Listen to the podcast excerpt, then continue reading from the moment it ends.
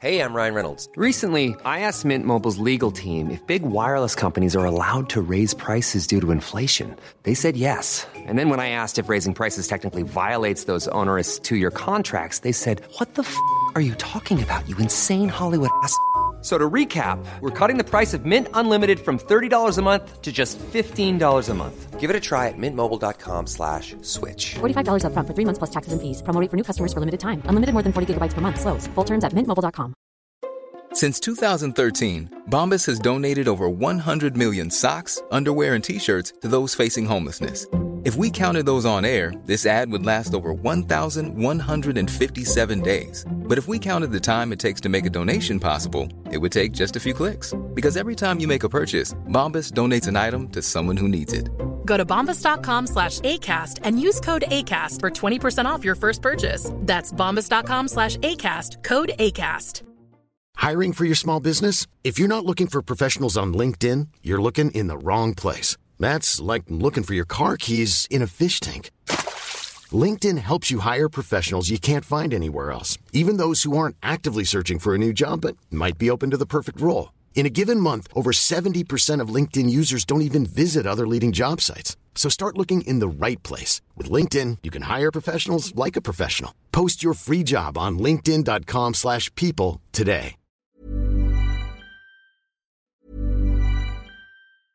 Ready to pop the question? The jewelers at BlueNile.com have got sparkle down to a science with beautiful lab grown diamonds worthy of your most brilliant moments. Their lab grown diamonds are independently graded and guaranteed identical to natural diamonds, and they're ready to ship to your door. Go to BlueNile.com and use promo code LISTEN to get $50 off your purchase of $500 or more. That's code LISTEN at BlueNile.com for $50 off. BlueNile.com code LISTEN.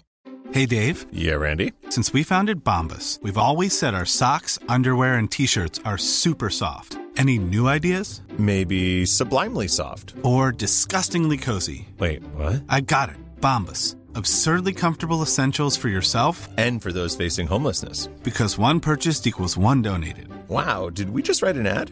Yes. Bombas. Big comfort for everyone. Go to bombas.com slash ACAST and use code ACAST for 20% off your first purchase. Hei, kjære lytter av Bak scenen. Takk for at du har lasta ned denne repriseepisoden.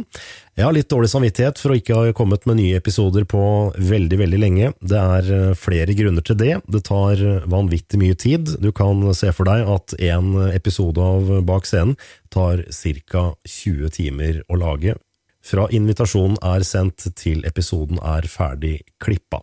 På toppen av det så har vi hatt en pandemi som har gjort det vanskelig å få folk i studio, og intervjue over telefon, Zoom, Teams osv. Det har vært uaktuelt, jeg vil ha folka i studio. Og noen folk har jeg hatt på besøk den siste tida, og um, en av episodene som kommer nå i nærmeste framtid, er med Hanne Krogh, en episode jeg gleder meg veldig til å dele med deg, hvor vi skal innom alt fra hennes karriere tilbake igjen eh, på 70-tallet, hvor hun var med i Melodi Grand Prix, til hun var med i Grand Prix igjen i Bobby Socks og eh, hadde en stor karriere på 80-tallet.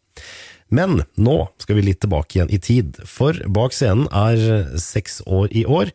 Omtrent på den tida her i 2016 så gjorde jeg det aller første intervjuet uten at Bak scenen i det hele tatt var påtenkt. For som du kanskje har skjønt i episodene, så har jeg en forkjærlighet for Mot i brøstet og Carl og co., og det første intervjuet jeg gjorde, det var med Tore Ryen. Han kom til studio, ble sittende i mange, mange timer, jeg tror det var fire-fem timer, og vi prata lenge, mye lenger enn det episoden er, og da satt jeg der med et langt intervju med en av Norges største humorlegender, og så tenkte jeg hva skal jeg gjøre med det her? Jo, jeg må lage en podkast. Og da satte jeg meg ned, begynte å kikke litt på hvem jeg ville ha på besøk og snakke med. Og de kom på løpende bånd. Trine Rein, Helbelis, Håvard Bakke, Christian Ingebrigtsen, Per Christian Ellefsen, Eldar Vågan, Finn Kalvik, Dag Vågsås, Anne Marie Ottersen, Arne Garvang, Halvdan Sivertsen, Harald Mæhle, Åge Steen Nilsen osv. osv. Det er jeg utrolig takknemlig for, at alle disse har kommet og delt av sitt liv og sin karriere. Vi skal kikke litt på noen av disse episodene nå gjennom sommeren. Noen sommerrepriser, og vi begynner tilbake igjen i oktober i 2016 med episoden om Tore Ryen. God fornøyelse. Hei, og velkommen til Bak scenen. Jeg heter Trond Harald Hansen, og i denne podkastserien skal jeg finne ut hva som skjer på baksiden av norsk showbiz-bransje. Enten det er produsenter, skuespillere eller artister. Og min aller første gjest han er et humorikon. Han starta i NRK TV på 60-tallet, var stor stjerne på radio sammen med Dag Frøland på 70-tallet. På 80-tallet drar han til USA for å lære seg TV-produksjon, og på 90-tallet kommer han tilbake igjen til Norge og praktiserer alt han har lært med TV-suksessene Mot i brøstet og Carl Co. Her er min prat med Tore Ryen. Bak scenen med Trond Harald Hansen.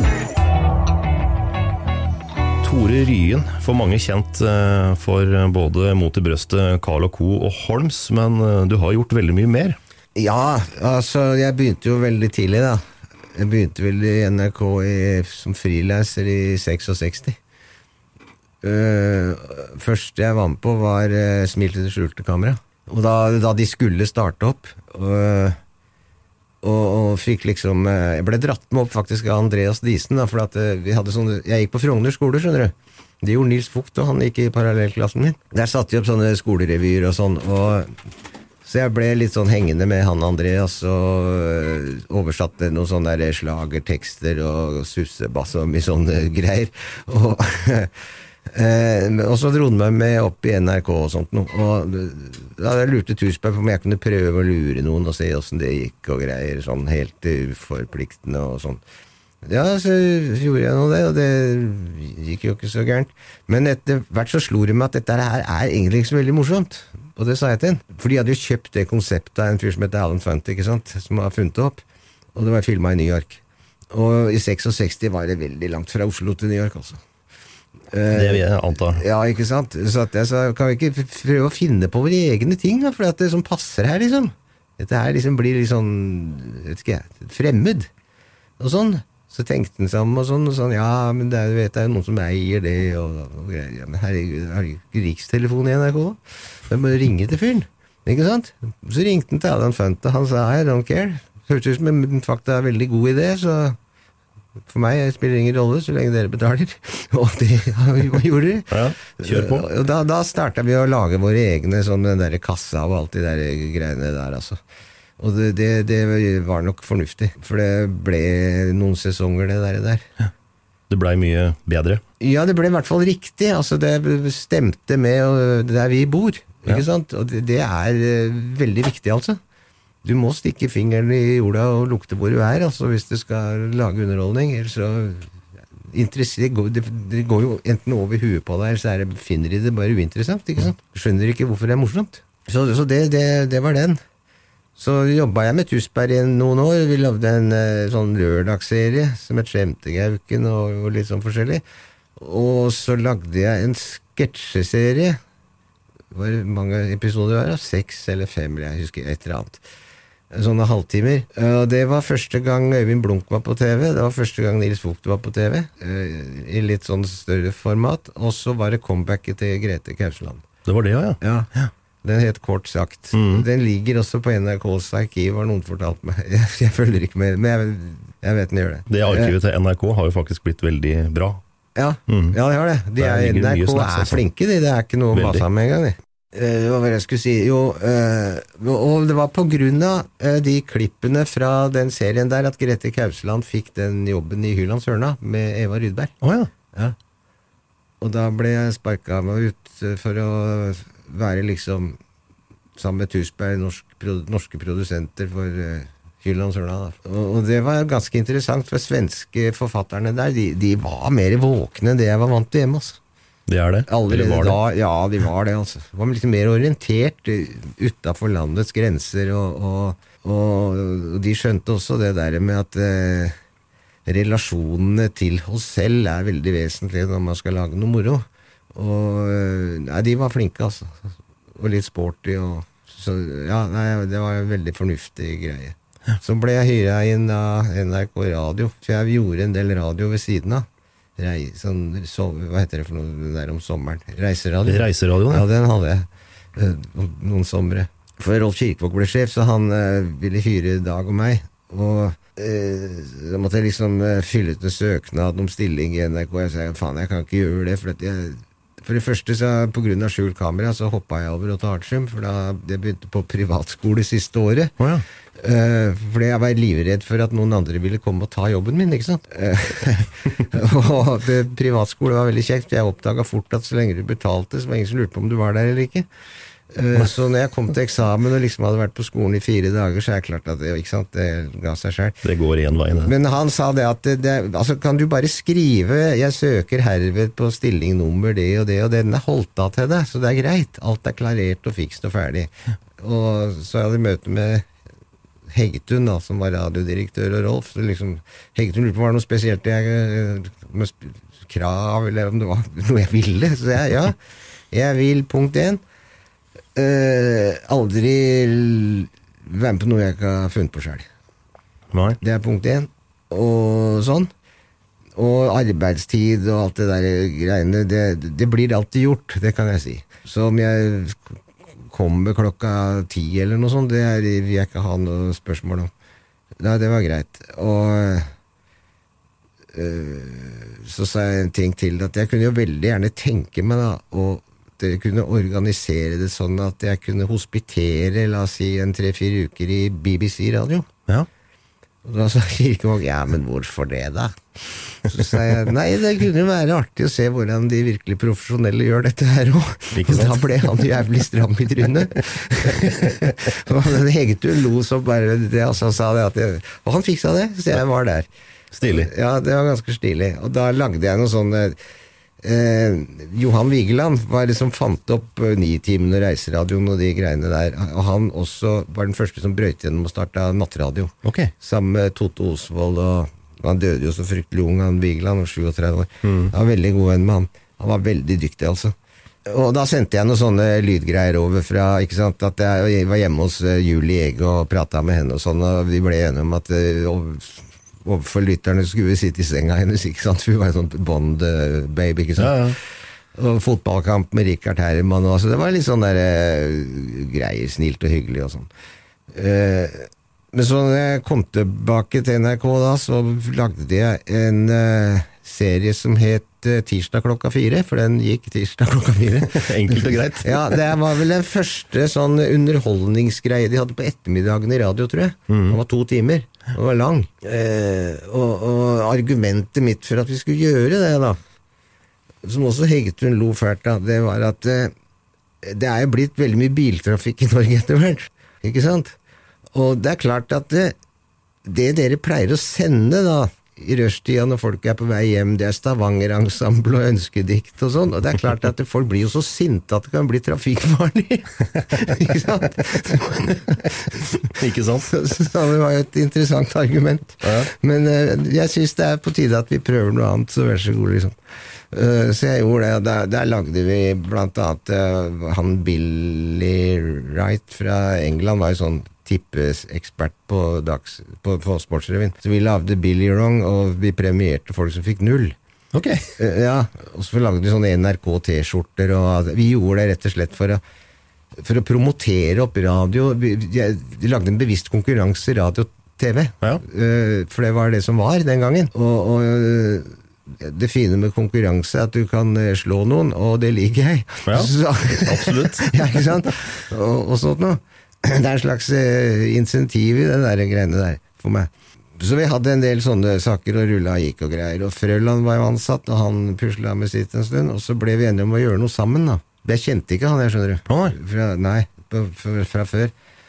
Eh, jeg ble, måten jeg ble kjent med, det var rett før vi begge ble ansatt der. For da hadde han hatt, da hadde han skrevet en revy på Chat Noir ja, den gangen. Uh, og eh, i Reiseradioen det året, samme året, så jobba vi med jeg er mye, veldig mye sammen med Kjell Aukrust og Kjell Syversen. For vi lagde noe som het Gammeldassens venner, som var et veldig tidlig miljøprogram, faktisk, inne, inne i Reiseradioen. Oh, ja. Ja, det var ganske morsomt gjort. Og Kjell Syversen var jo han som fant opp Kjendistoppen i Dagbladet.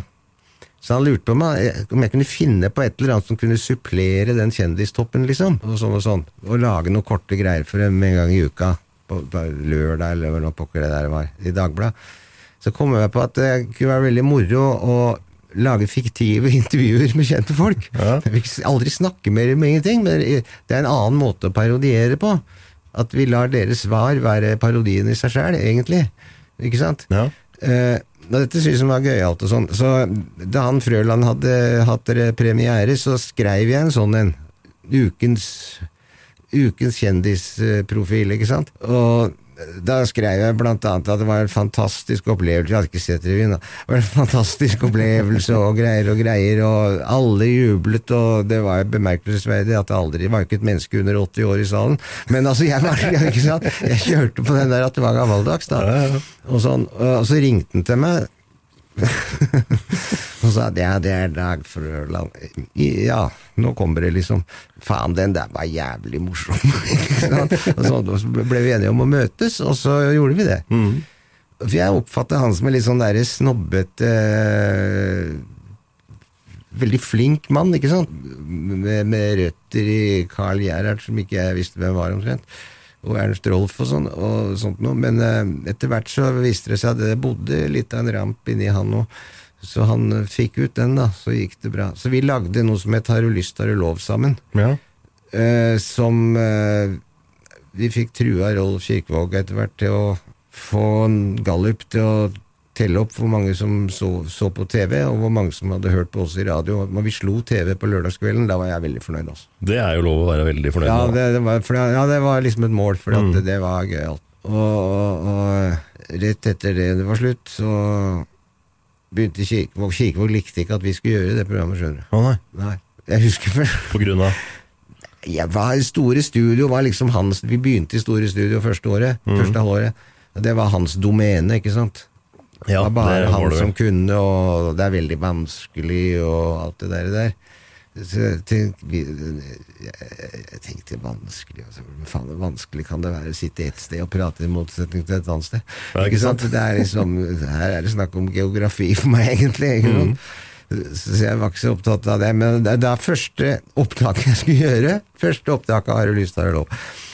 Det var i Store Studio. Da gikk jeg gjennom gangen fra kontoret mitt og skulle ta heisen ned i Store Studio. Tvers overfor heisen så hadde Kirkevåg, lå Kirkevågs kontor. Og idet jeg sto og venta på heisen, så gikk døra opp. Så stakk Kirkevåg huet ut, og så sa han ja, jeg bare nevner det, men du kan få en knekk for livet. Og så lokka han døra og gikk. Oi. Ja, så tenkte jeg hallo, altså. Det gikk ikke innpå meg, da, men jeg syns det var veldig smålig. Det er jo det. Ja, så etter eh, Etter at den serien var slutt, så, så begynte han å skulle true meg til å ha nitimen og alt det, og det, det er jo avtalebrudd og sånn. Så eh, jeg ville ikke det, men han ga seg jo ikke og sånn.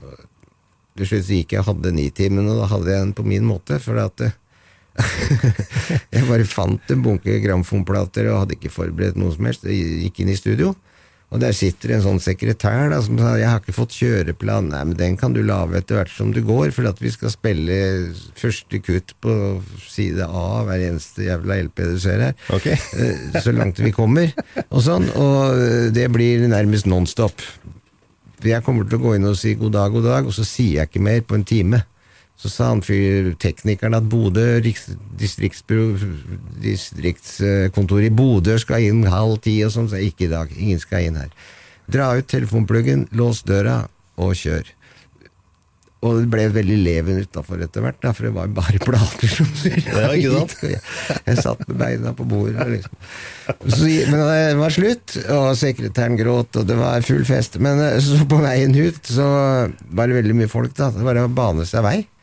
Eh, Gikk jeg på kontoret til Rolf Kirkevåg og slang oppsigelsen min i bordet og sa at jeg har sikkert noe sånn eh, lønn til gode i en måned eller hva som helst, men de kan du få, så kan du få tatt service på den jævla Ladaen din. Og så sa jeg en ting på slutten som jeg ikke skal gjenta i radioen, og så gikk jeg. Og det var det. Men jeg fikk vite av Erik Heier da, noen måneder etterpå at jeg var svartelista. Eh, Det var forbudt å spille musikk jeg hadde laga, det var forbudt å, å sende repriser av noe som helst og greier. Og så gikk han i arkivet og sletta hele Har du lyst, har du lov? Oi. Men Dag Frøland hadde originalene. Vi passa på det, vi skjønner Heldigvis, da. Ja, fordi at av de, På høsten av den serien så flytta vi jo over på Chat Noir. Eh, fordi at det ble så ganske svært, showet. Og, og, og så var det en privat entreprise. Det var, vi hadde lagd et selskap, eller han. Jeg hadde ikke lov til det, for jeg var NRK, men jeg var med der. Da. Uh, og sånt. Uh, og det Fader Chat er hele, hele serien var utsolgt på en time, vet du, når det ble lagt ut. Så det var aldeles eh, vilt. Men uh, etter at Anders Lange var der, som den første svære politikeren, sånn, så ble vi kalt inn til ledelsen at det var politisk slagside, og NRK lå jo ikke så veldig lite inn i venstresida den gangen. Eh, og, så, og så sa vi men altså alle, det har ikke noe med, dette har ikke noe med politikk å gjøre i det hele tatt. Det er underholdning. Ja, dette er underholdning. Vi er ikke journalister, vi er komikere, vi. Ikke sant? Og, og sånn. Uh, og han er nye kringkastingssjefen, han lot jo gå for han hadde jo vært med i første programmet, så han syntes jo det var greit. Han, Elster. Uh, og sånn. Men etter det så tenkte vi at her må noe gjøres, for nå er Kirkevåg blitt helt gæren. Så det vi gjør, er ganske enkelt at eh, når vi har redigert programmet, så blir det blir kjørt med drosje til NRK kvart på elleve. Og det skal gå elleve. Så de får aldri, de får, får ikke tak i det. Og så skal det leveres tilbake. Akkurat. Men de kan ta en kopi. Det var den dealen han fikk gjort med over huet på Rolf, da. Uh, Så det var jo litt interessant.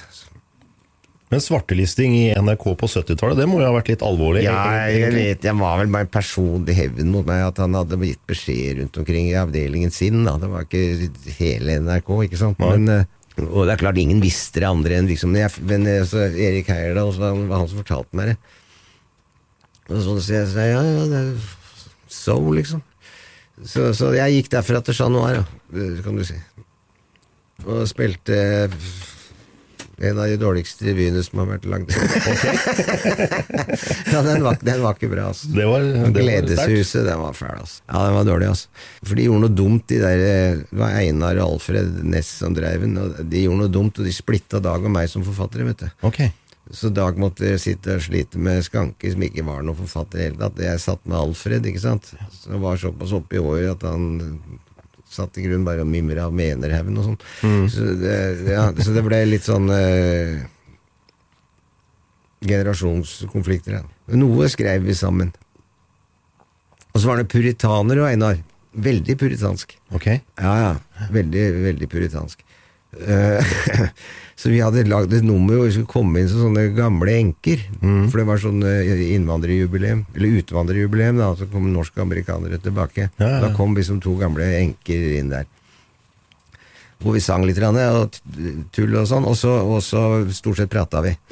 Og det vi gjorde, vi hadde én versjon når vi var på prøve. Og når publikum kom, så kom den versjonen Skanke aldri hadde hørt.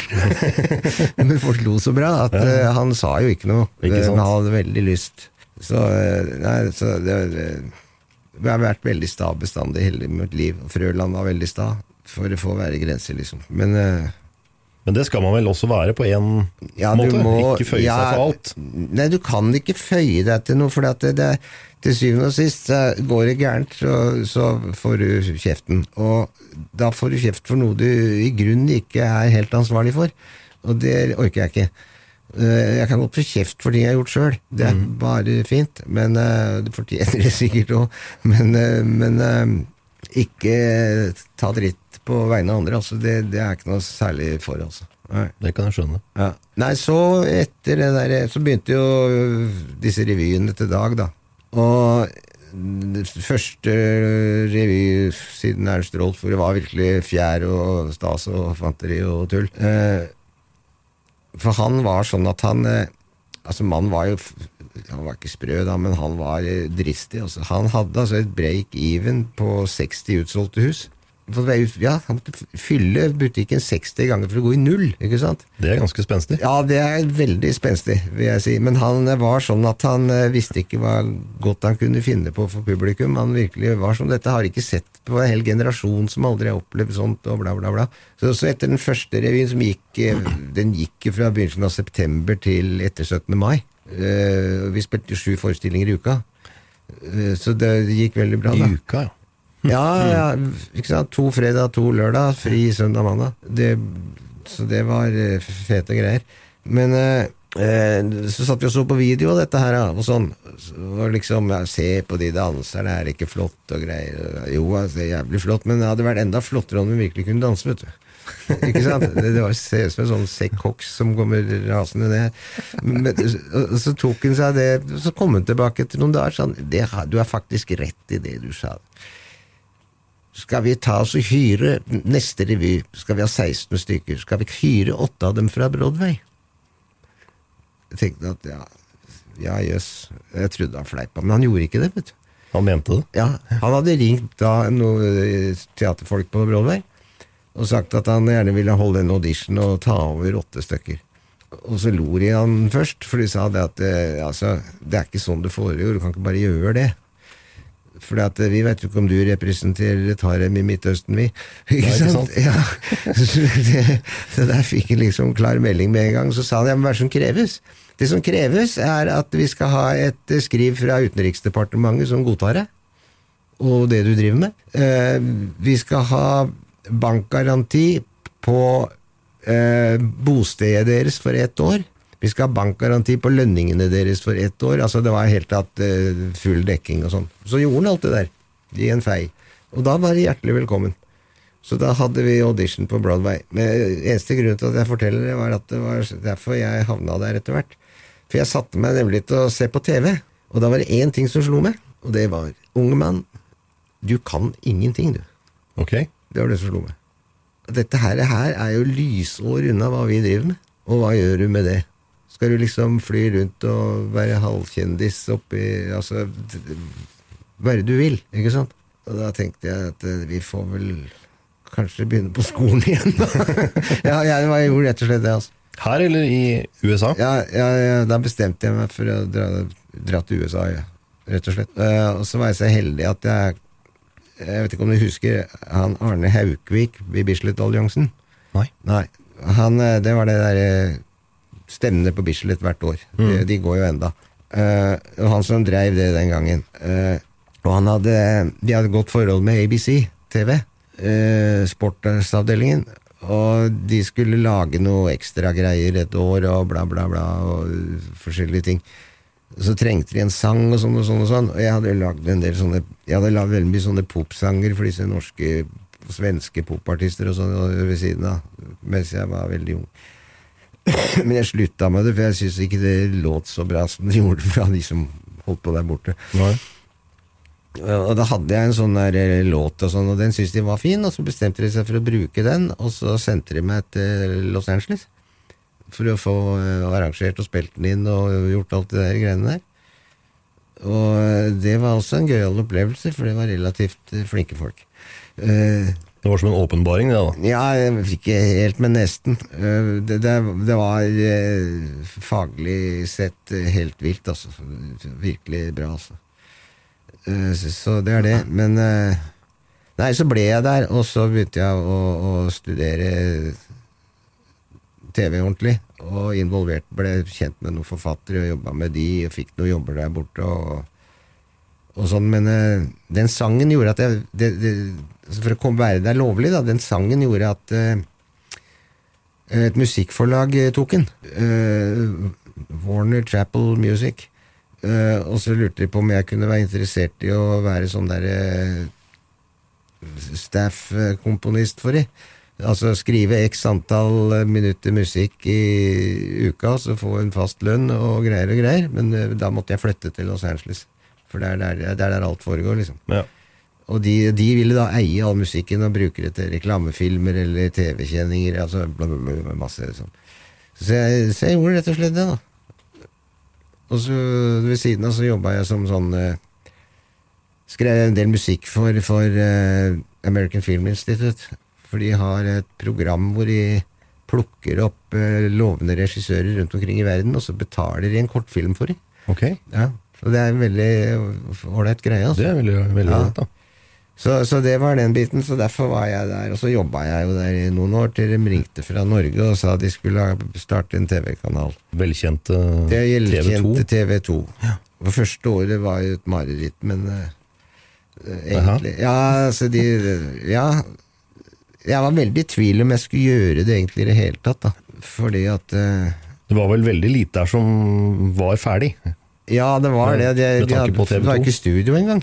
Jeg lurte på hvilket studio vi skulle bruke. Det er studio, det skjønte faen, du kan ikke stå på gata og gjøre dette her, ikke sant? Nei. Så det måtte vi ordne sjøl. Vi måtte jo ordne alt sjøl, Mm. egentlig. Men etter et års tid så var det jo regimeskifte der, for de holdt jo rett og slett på å gå under, vet du. Ja. Og da kom Arne Jensen og Nils Kjetil Andresen, som jeg fremdeles eh, jobber med. Eh, Da ble det orden i saken, altså. Skikkelig orden ble det. Men også starten til Mot i brøstet var vel også veldig spesiell. Alt ifra at eh, dere måtte bygge studio sjøl, til at eh, serien ble gitt ut på video før den i det hele tatt eh, kom på TV. Ja, det gjorde det, for det var Warner Norge som, som sørga for det. For at, og, og Warner statene hjalp oss veldig, altså. Eh, De sendte jo over lysfolk til oss, eh, for det var jo ingen som kunne gjøre det her. Ikke sant? Og det, var, det var veldig artig, altså.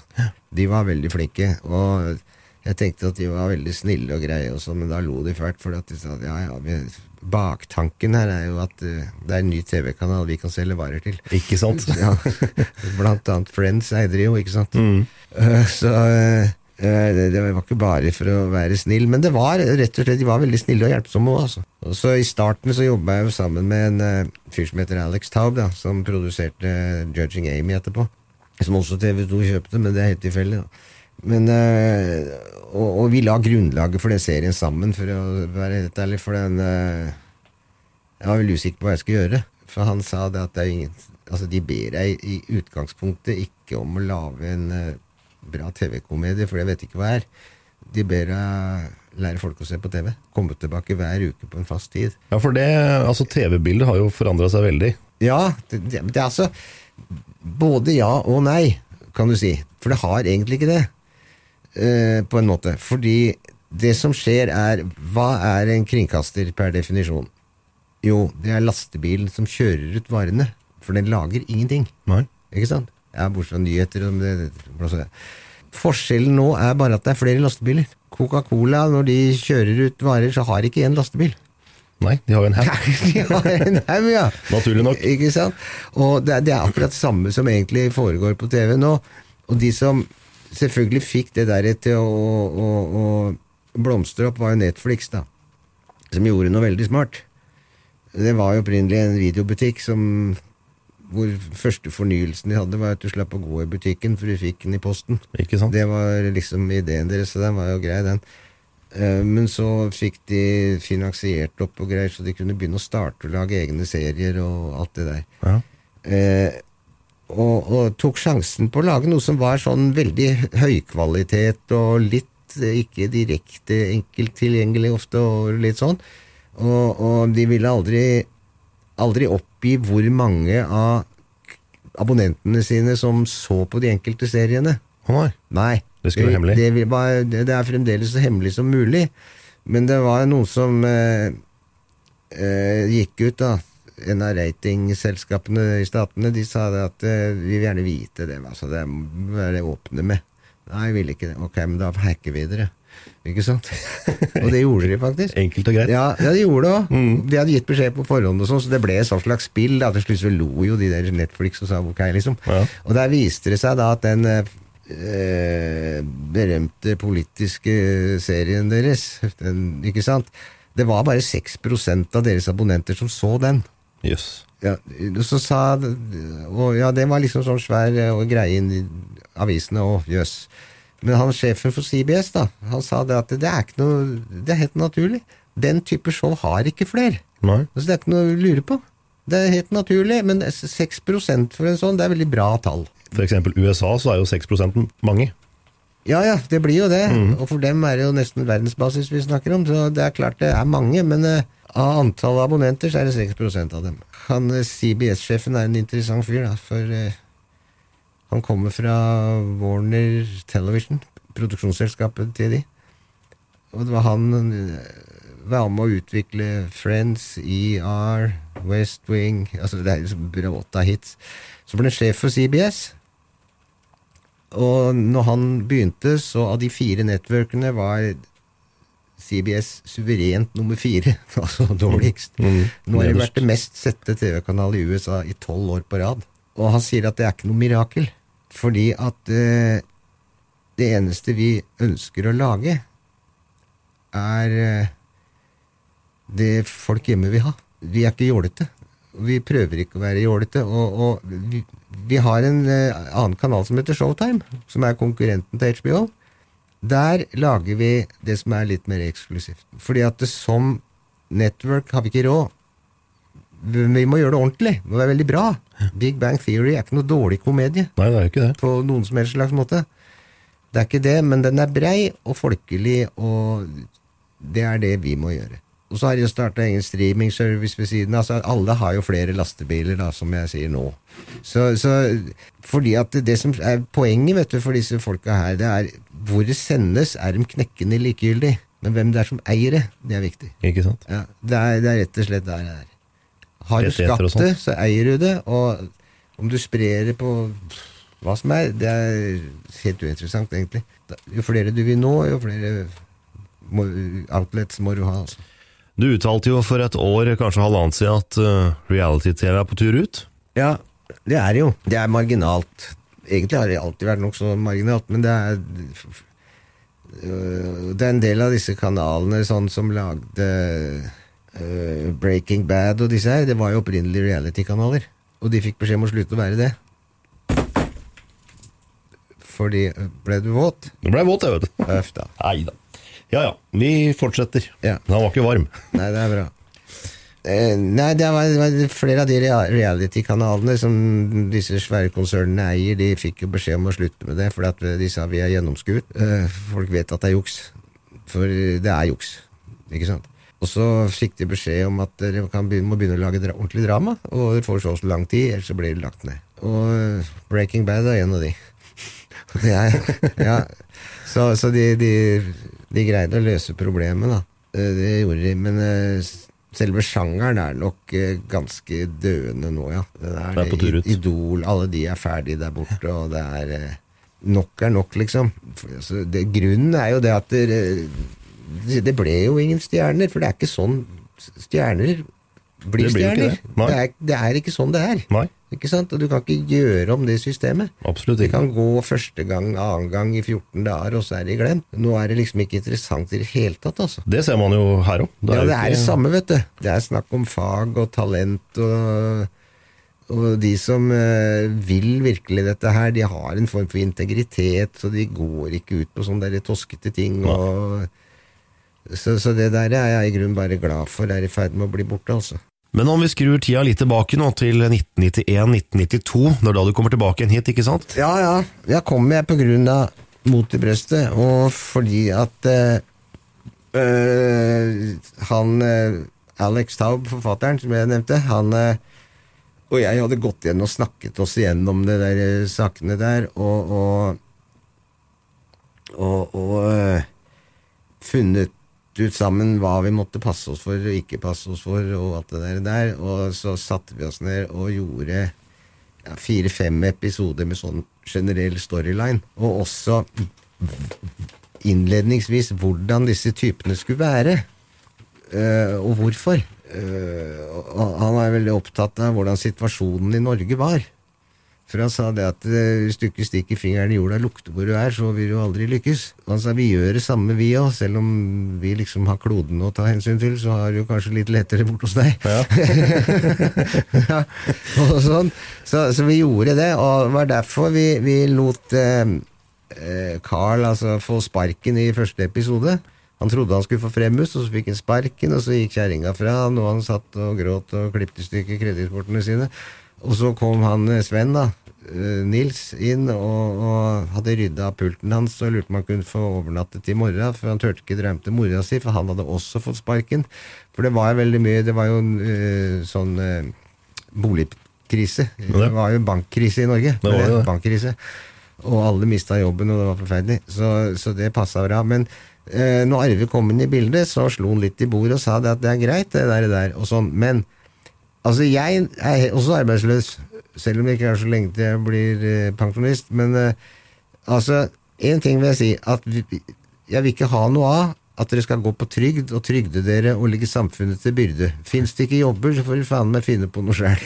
Ikke sant? Det var utgangspunktet for det. Og det viste seg nok at det, det var en slags trøst i det for folk som hadde mista jobb. og ikke sant? Altså Det var et eller annet med integritet, selvrespekt. Du må ikke miste den, Nei. selv om eh, verden har gått deg imot. ikke sant? Ikke For sant? ting ordner seg. Så det var veldig mye det i starten vi, vi gjorde. Ikke for å være spekulative, eller noen ting, men fordi at det var sånn det var i landet. ikke sant? Og helt ærlig, og, og de dumma seg ut og dit og datt og gjorde mye rart, men tror det var en ganske fornuftig sånn inngang til hele serien, for de ble likende, vet du. Ja, de ble jo det. Ja, altså ble, altså var de som alle andre. så det var ikke noe jåleri, ikke noe tull og Ikke sant? Så, så det, det var i grunnen eh, begynnelsen på det. Og så flytta det seg jo Det fløyt jo med tiden, ikke sant? sånn som allting gjør, da. Men eh, vi var veldig varsomme på, og, og det skjønte vi fort når det begynte å gå bra, at eh, referanser med statsministernavn og kjendiser, at det må vi være litt forsiktige med. fordi at det, eh, hvis dette eh, det var pga. min erfaring for å se hva som gikk på repriser i USA når det først gikk bra, så var det ingen som ville huske de menneskene vi snakka om nå. Ja, ikke sant? Ja, ikke sant? Så, så derfor ble en veldig, veldig sånn generelt akkurat på de greiene der. Ja. Men Mm. noen tok vi inn og sånn, og var ikke så veldig mange egentlig. Eh, og så var det Så hadde, følte vi etter hvert at vi fikk veldig bra sånn kommunikasjon med publikum og studiopublikum etter hvert. Det der jo helt, ble jo helt vilt til slutt. Det kom jo charterfly fra Nord-Norge og sånn, ikke sant. Det var, jo aldeles vilt. Så vi måtte jo, hadde jo en svær I begynnelsen så, så ville alle ha autografer og sånn. Ja, ja. Og da satt de i dekorasjon.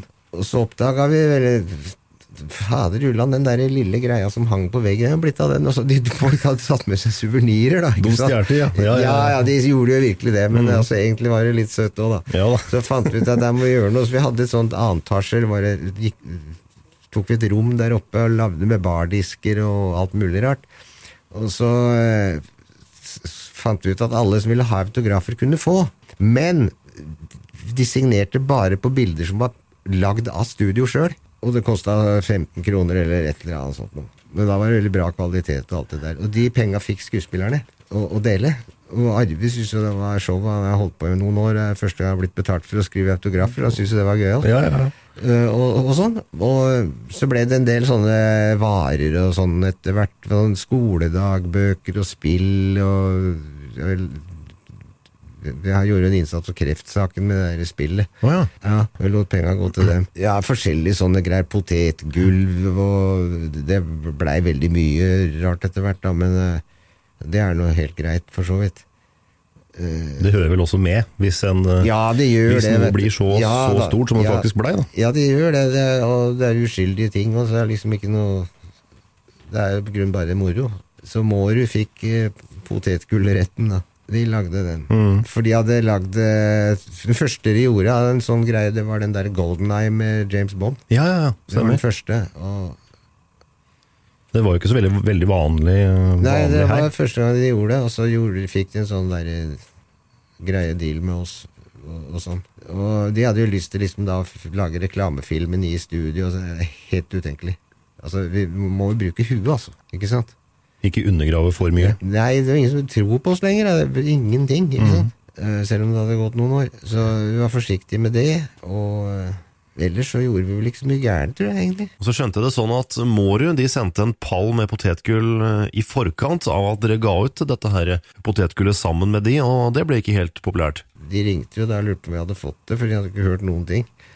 Så sa vi jo at vi hadde fått det og gitt det bort. Så det er det. Men hvis vi lyst til å gjøre det ordentlig, så kan vi jo snakke sammen. Og da gjorde vi det.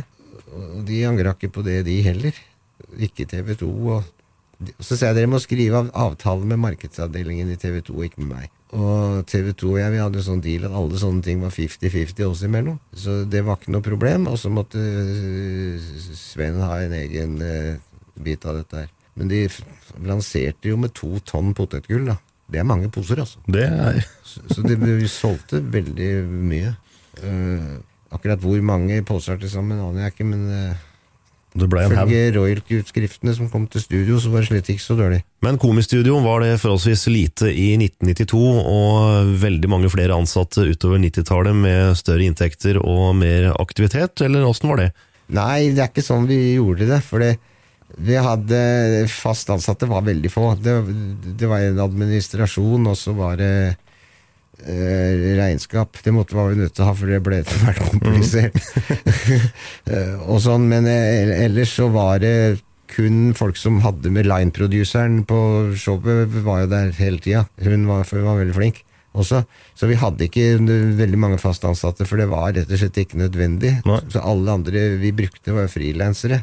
Rekvisitøren ansatte vi. Og så noen snekkerfolk og vedlikeholdsfolk og et par gutter hadde vi der. Mm. Det var ikke svære greiene, altså. Ikke i det hele tatt, for det, det blir bare tull. For dere holdt til i et uh, nedlagt stållager? Ja, eller ja, sånt, ja, det var det vi fant. Det var, det var også Warner, han derre norske Warner-sjefen som fant for meg, faktisk. Og, og greier. Og var med å skrive avtalen på det, og de garanterte hele leiegreia det første halvåret. Eller, for det var jo De var veldig hjelpsomme, altså.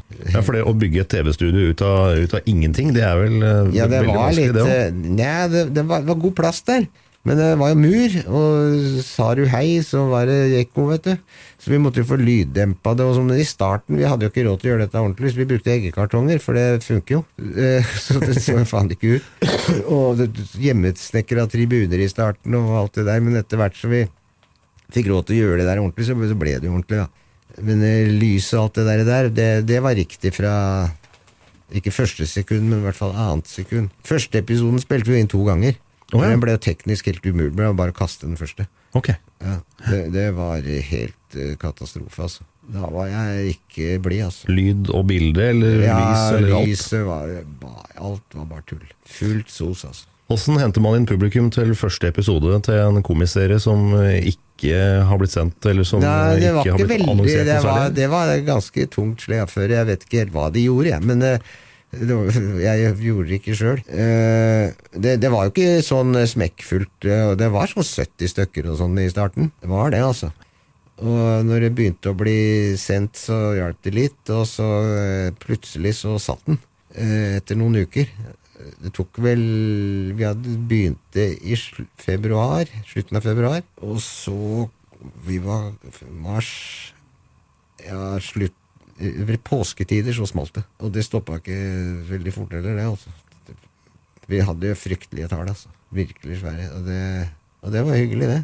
Men alle episoder er innspilt med publikum, eller det er ikke noe juks der? Greier ikke å få til det. Altså, Du kan godt prøve, men det gjennomskuer hjemme. Og Mm det som er at publikum i en sånn serie som en sånn situasjonskomedie, de er jo medspillere, vet du. På en måte. Fordi at det, hva slags publikum er i, det er, det er liksom Det er vi snakka mye om det. Uh, uh, hvis du ser på hvordan det foregår, altså i et teater, så spiller skuespillerne til publikum. Hos oss så overser de publikum. Uh, og det har vært gjort forskning på det der i amerikansk fjernsyn, og de forsker jo på alt. Ja, ja. Ikke sant? Og det de har funnet ut, er at de som sitter på tribunen og ser på f.eks. Big Bang Theory og sånn, de føler at de er så heldige at de er eksklusivt plukket ut og kunne sitte og se på noe som foregår i virkeligheten. Oh, ja. Se på andre menneskers liv. Det, ikke sant? Ja. På en måte. Og, og hvis de er typer de da har blitt kjent med etter hvert, og alt det der, der så eh, å, å komme inn og få sett Big Bang Theory er jo håpløst, for dette er jo faen meg. Ja, det er helt vilt, altså. Så, så, så vi, behandlet, vi hadde en sånn oppvarmer og sånn, og han fikk beskjed om å ikke være morsom. For det vil vi ikke ha. Det skal Nei. være høflig og hyggelig. Og service-minded og de greiene der.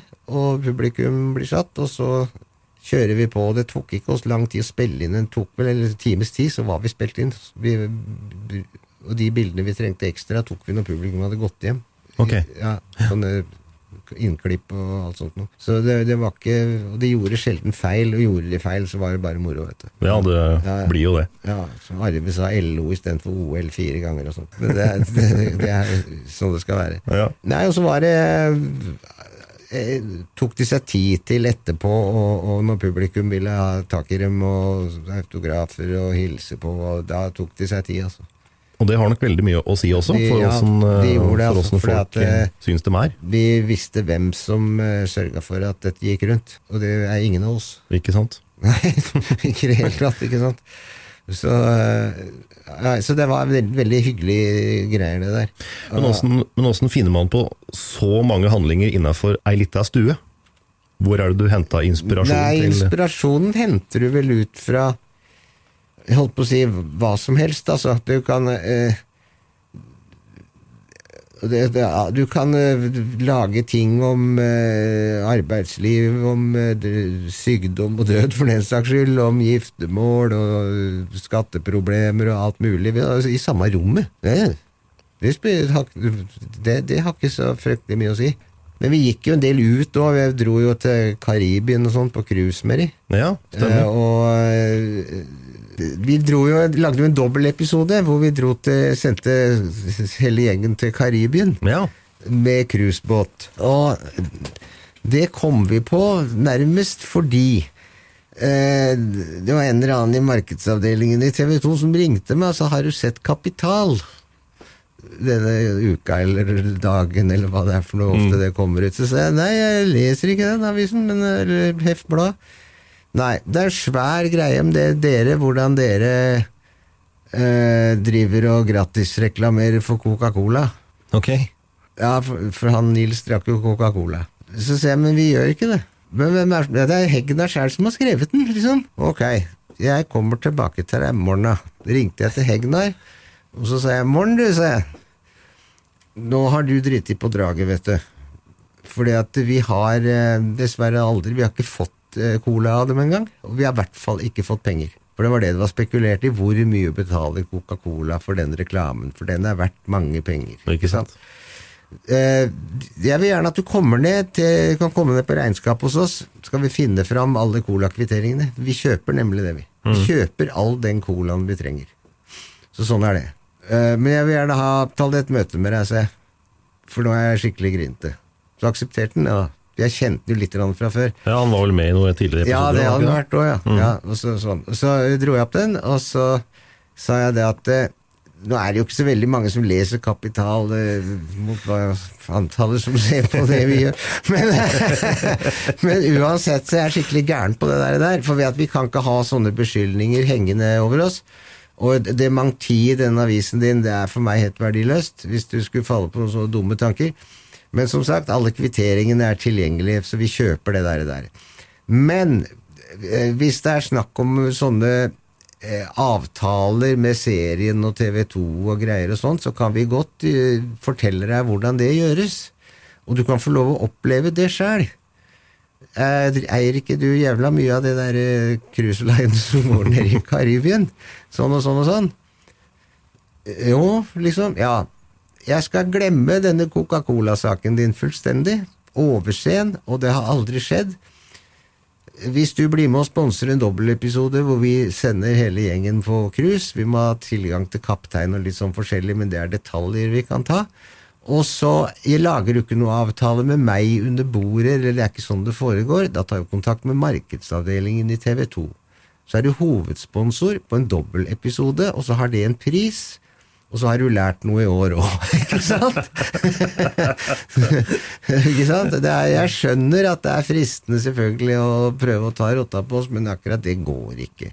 Øh, Så var han litt sånn mutt og sånn, men så ringte det tre dager etterpå, og da vi, skulle møte direktøren i Cruise Line. Og så satte jeg han bare på TV 2, markedsavdelingen, og de forhandla det ferdig, og biff, og ferdig med det. Ja. Og da fikk de en dobbeltepisode. Det som var morsomt med den, da, var at de fikk ikke bare den, men eh, de, reklamebreiket i midten, det var en time, da, var det nest mest sette programmet på TV2 hele det året. På i overkant av 1,1 millioner mennesker. Det er rått. Ja, så da fikk de valuta for penga. Jeg følte meg i godt humør. Vi fikk gjort noe spektakulært for de som satt hjemme. Og Hegnar fikk fortjent kjeft og lærte noe det året òg. Så det var hele historien. Ja. Men det skjedde vel en god del andre ting ute òg, gjorde det ikke det? Hadde vel Carl på repetisjonsøvelse, tror jeg. Militær eller noe sånt. Ja, det var en masse sånne greier. da Så vi prøvde å variere det der noe. Men, men som regel så Du vet hva Altså, vi, skal vi se, vi spilte inn på mandager. Tirsdag fikk de manus for neste episode. Og mandagen etter skulle det være spilt inn og ferdig. Ikke sant? Så vi hadde ikke veldig mye tid til å gå ut. Eh, så vi prøvde jo da Tirsdagen tok vi veldig lett på. Da møttes vi og leste igjennom og bare sånn hvis noen hadde noen spørsmål eller et eller annet og greier og greier. Om sommeren var det ofte vi gjorde hjemme hos Arve med vafler oh, ja. ut på verandaen. Ja, ja, ja. Nei, det var veldig avslappa. Og så hadde vi da fulle prøver resten av uka. Eh, og i starten, det var, det var egentlig litt rørende, fordi at det, både Nils og Sven, da, særlig de to, eh, hvis de følte liksom at eh, vi skulle gå hjem på fredag, kan vi ikke prøve søndag òg, for at eh, faen, eh, jeg er ikke helt sikker på det og det, eller så de, de, de, de, de var så interesserte, da. Enda de var ikke stort de fikk i begynnelsen, noen av oss heller. Det var en slags var, dugnad. eh, Ja, men det er bortimot, altså. Dugnad med smågodt. Det var ikke mer, mer var ikke, nesten, altså. Nei. Men etter hvert så ble jo lønnsnivået der, eh, jeg vil si, veldig bra, da. Mm. Og reprisene har jo vært en voldsomt inntektskilde for i år. Ikke sant? Ja. Og det skulle jo i grunnen bare mangle. Så Men det er jo veldig svært da, av Norges største skuespillere å bli med på en sånn dugnad. Ja, altså Arve kjente jeg jo fra før. Mm. Vi hadde snakka om dette her mens vi var på slutten av januar og sånn og greier, og vi vi må gjøre noe sånt nå. Men jeg ikke, hadde ikke noen ideer og ingenting, så så flytta jeg jo vekk etter flere år og greier. Men han var klar med en gang, for han syntes det der var, det hørtes gøy ut og sånn. Og, og Nils, han eh, var jo ikke veldig berømt i, i starten, vet du. Nils Vogt var ikke veldig kjent når vi starta.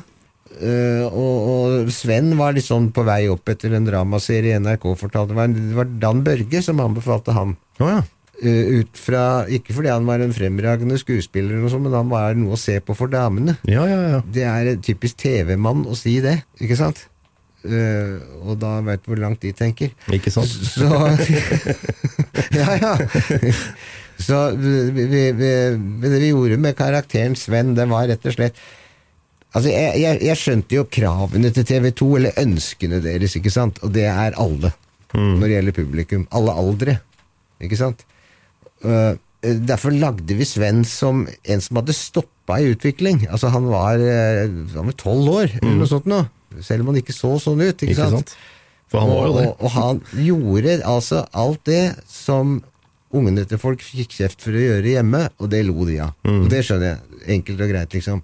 Så det, det var mye hans uh, funksjon i dette her.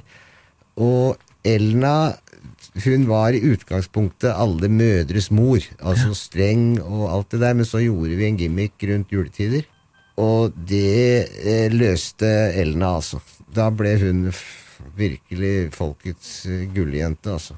Og det var at hun eh, hadde en helt annen personlighet når hun drakk. Ikke sant? Og det første var jo den juleepisoden hvor hun sto og tok akevitt på kjøkkenet og greier, og da gikk hun og satte seg på fanget til Arve og sa 'Vet du hva, Henry, jeg blir så kåt av akevitt'. Da eksploderte Norge. Yes. Det er helt fenomenalt. For før det hadde hun vært helt sånn derre ensidig streng. Og vanskelig. Ja, for hun var jo ikke Og noe hyggelig. nedlatende og fæl, ikke sant? Men uh, Liv hadde en fobi, den var helt fenomenalt. Altså. Hun var livredd for å gå inn og gjøre en scene hvis jeg ikke hadde på seg den hatten. Ok. Ja. og, og, sånn. og det var en eller annen scene hun skulle være i nattkjole eller et eller annet. Så hadde overnatt, jeg husker ikke mm. akkurat hva det var. Så sa jeg men jeg er så nervøs for i dag. Ja, hva er det for noe nå?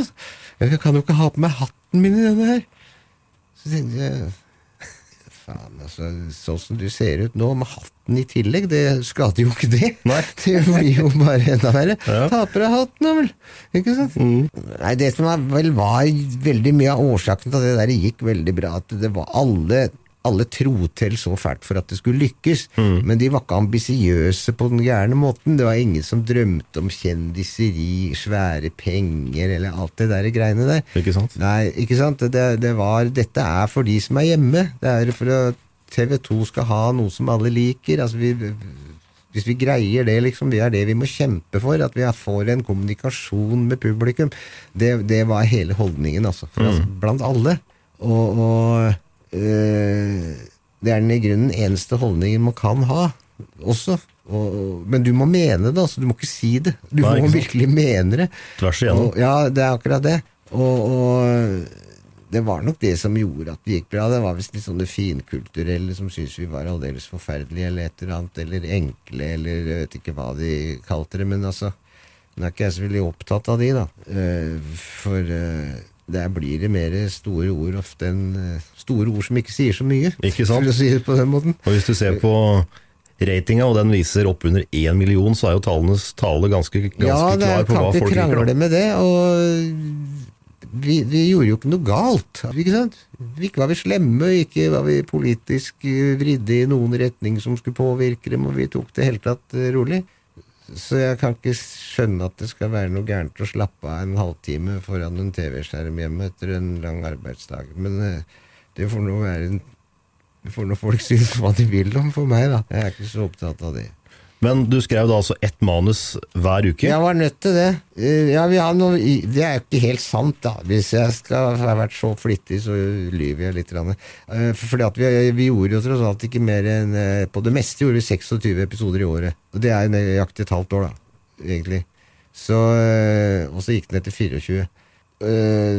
Eh, det var ikke mer enn det. Men det, peri, når det pågikk, var det tett, ja. Veldig tett. For da var det hver uke det, Vi gjorde sånn at vi hadde tre opptaksuker og én uke fri. Okay. For de skulle få vaska ut gammel tekst. øh, ikke Ja, sant? Og- Og det, det syntes skuespillerne var veldig behagelig. Så, så, så da gikk det ganske tett, ja. Så skrev du en serie som het eh, Radio 2, Ja, som gikk parallelt var, med ja, de ville ha en til og greier og greier. Det var jævla ubetenksomt å si ja til av meg. Øh, Eller prøve på. og så ble jeg sjuk, skjønner du. Jeg Mm. fikk jo blodtrykk som var øh, Faen, altså. Det var, så på meg noen som sa du er jo grå i fjeset. ikke sant? Må du gå til legen og greier? Nei, så gikk jeg til legen. Altså, det var visst veldig alvorlig. Eller mye. Så jeg fikk masse medisiner og dritt og greier. Så jeg, så jeg orka rett og slett ikke fortsette å gjøre den. Dessuten, så jeg begynte, så Ja, jeg kan lage sånn radiostasjon. Men jeg ble jo aldri enig med meg sjæl om hva jeg skulle lage, da. Nei, Ikke sant? Så det ble bare tull. ikke sant? Og da er det jo mye bedre å la det være, altså. Blei den serien sendt ferdig, eller eh, Nei, den ble ikke spilt inn ferdig engang. Det ble lagd en Jeg vet ikke hvor mange, to-tre stykker eller hva det var. Og så, øh, og, øh, så slutta jeg bare. Da jeg ble dårlig, rett Mm. og slett. da Og det, De aksepterte jo det og sånn. Og, og øh, selvfølgelig. Men jeg hadde ikke lyst heller. Og, men jeg fant altså ingen andre til å skrive, da, for å si det sånn. Eh, For det, der, det var ingen som hadde gjort det, vet du, Nei, i Norge. Det, det eneste det. Bosse Hermansson, ikke sant? Og han hadde jo manus gamle engelske serier som han øh, fiksa på. Ja, Og både må si at han var veldig flink da, til å gjøre det. Det var han jo også. Ja, ja, ja. Og Veldig. Wesenlunds øh, Fleksnes var en fabelaktig karakter og lage en sånn urnordmann, ikke sant? Absolutt. Ja, så, så, så det, var, det var jæklig bra gjort. Eh, men etter, bortsett fra han, så var det jo ingen. For det var ingen som Jeg vet ikke hvorfor. Jeg, det Jeg tror det var gjort noen forsøk som gikk gærent, veldig fort.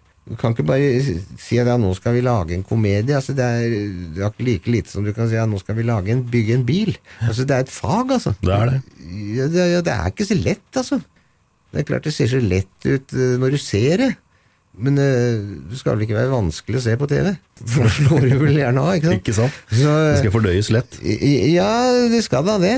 I hvert fall for hvis du skal ha altså en kommersiell kanal. Der er det visse krav, altså. Altså, Jeg vet hvordan TV-ledelse ser på, på, på fjernsyn. Det er at de investerer penger i en vare som skal forrente seg.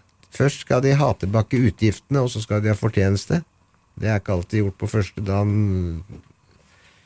Og så er jeg opptatt av etterlivet til den serien. Hvor lenge kan den gå, i- kan den gå i reprise? Og hvis du ser på hva TV har gjort, og erfaringsmessig, så er det svært lite som kan gå i reprise over lang tid. Det er jo Veldig det. lite. Og, ikke sant? Hadde ikke jeg vært eh, i stand til å innse at jeg ikke kunne noen ting første gang jeg var i Amerika, så hadde det aldri vært mulig å lage Mot i brøstet riktig. Kunne nok lagd noe, men da hadde det blitt en sånn lang Chat Noir-sketsj som kanskje hadde gått rett vest. Det vil jeg tro. Fordi at eh, menneskelige sider av karakteren og alt det der og, og, altså Nils Fugt, karakteren Carl for meg, det var rett og slett en personifisering av nasjonen Norge. 50% stormannsgæren og 50% mindreverdighetskomplekser Le den mannen. Og det gjør vi jo. Og Carl er jo egentlig en ufordragelig fyr, men som du Jaha, allikevel ja, ikke kan unngå å, å bli glad i. da. Ja, ikke sant? Du blir glad i den fordi han har den eh, nedsiden, nemlig mindreverdighetskompleksene. Ja, ellers er han jo en ordentlig kødd, for Ja. å si det rett ut. Ja, han er jo det. Ja. Definitivt. Ja. Men da, etter 142 episoder med Mot i brøstet, Ja, det ble det. Ja, det gjorde det vel, ja. så ble det, ble det slutt. Hvorfor det? Ja, Arve var jo veldig sjuk. Ikke sant? Virkelig, altså. Og det var han vel i serien nå? Altså, Ja. du skrev han inn som uh, sjuk, at han var på Ja, jeg gjorde diverse det behandlinger. noen ganger. Altså, han hadde jo mye ryggplager, han hadde jo prolaps en gang. Og da kom han på prøve. For hans motto var at uh, eneste unnskyldning for ikke å møte på jobb er å være død. Og de mente den helt alvorlig. Mm. Strøjobber og hva, hva som helst, altså. Han svikta aldri noen. Han var helt bemerkelsesverdig. Men det var den gamle skolen, det, vet du. Ikke sant? Eh, som man kanskje burde gått om igjen. Det kunne man kanskje, kanskje, kanskje ta litt om igjen ja. ikke noen veldig dårlig idé, altså. Nei, men så da hadde han en sånn eh, prolaps og sånn, og da liksom alle sa ja, da, men da, da må vi ha ut, avlyse og utsette til neste uke og greier og greier. Og sånn. Så sa jeg er det vondt når du ligger, da? Nei, jeg ligger, ligger jeg jo her på sofaen, og det er helt fint. Mm. Ja, Men da kan du ikke ligge på sofaen når det er opptak òg, da. Samme det, du må jo ikke gå på kjøkkenet og hente deg en kopp kaffe, liksom. Nei, nei. Det er ikke så stor dramatikk, det. For å si det forsiktig.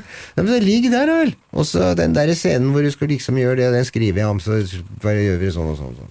Ja, men det er jo genialt, sier han, vet du. Og- Men altså, det er spørsmålet om det er praktisk. Så, men etter hvert så han fikk jo, måtte jo amputere tær og delvis bein og alt det der. Men altså, helt på slutten, da var han innlagt på sjukehuset. Men han ville ikke slutte. Så det vi fikk gjort, var å bygde et sjukehusrom i studio. Oh, ja. Rett og slett. Som Ja. dekorasjon. Så ble han kjørt i sjukebil fra Diakonhjemmet inn i studio og lagt i den sjukesenga. Og så hadde han ganske enkelt sykebesøk, men det var det vi gjorde, altså. Ja. Og han, første han gjorde, var å ringe VG, da. Nå blir jeg kjørt med sjukebil på jobben og greier. Altså, Der lagde de en reportasje på det. Det var fair enough, det, da. Og, og sånn. Men altså, der, det var liksom Han, han var sånn. Det er jo arbeidsmoral ut av Ja, annen verden. Og da han gifta seg med Elna i siste episode, da, da var det så vidt han kunne gå. Altså. Så vi måtte jo passe på han satt hele tida og alt det der, men eh, Det tenker du ikke over. Nei, I- men han var virkelig sjuk, altså. Mm. Og så etter det så orka han ikke mer. Og, og, Sven hadde mer lyst til å gå over til å spille teater og dramaer og hva det er for noe igjen. og Litt sånn, Det kan jeg forståelse for. det Så det var, var ikke noe krangel eller bråk som gjorde at de slutta, men det var rett og slett praktiske ting som skjer, skjer altså. For de hadde vel en sånn flere års avtale etter hvert når vi holdt på, da. Som var indeksregulert sikkert, og en hel masse tull jeg ikke vet om.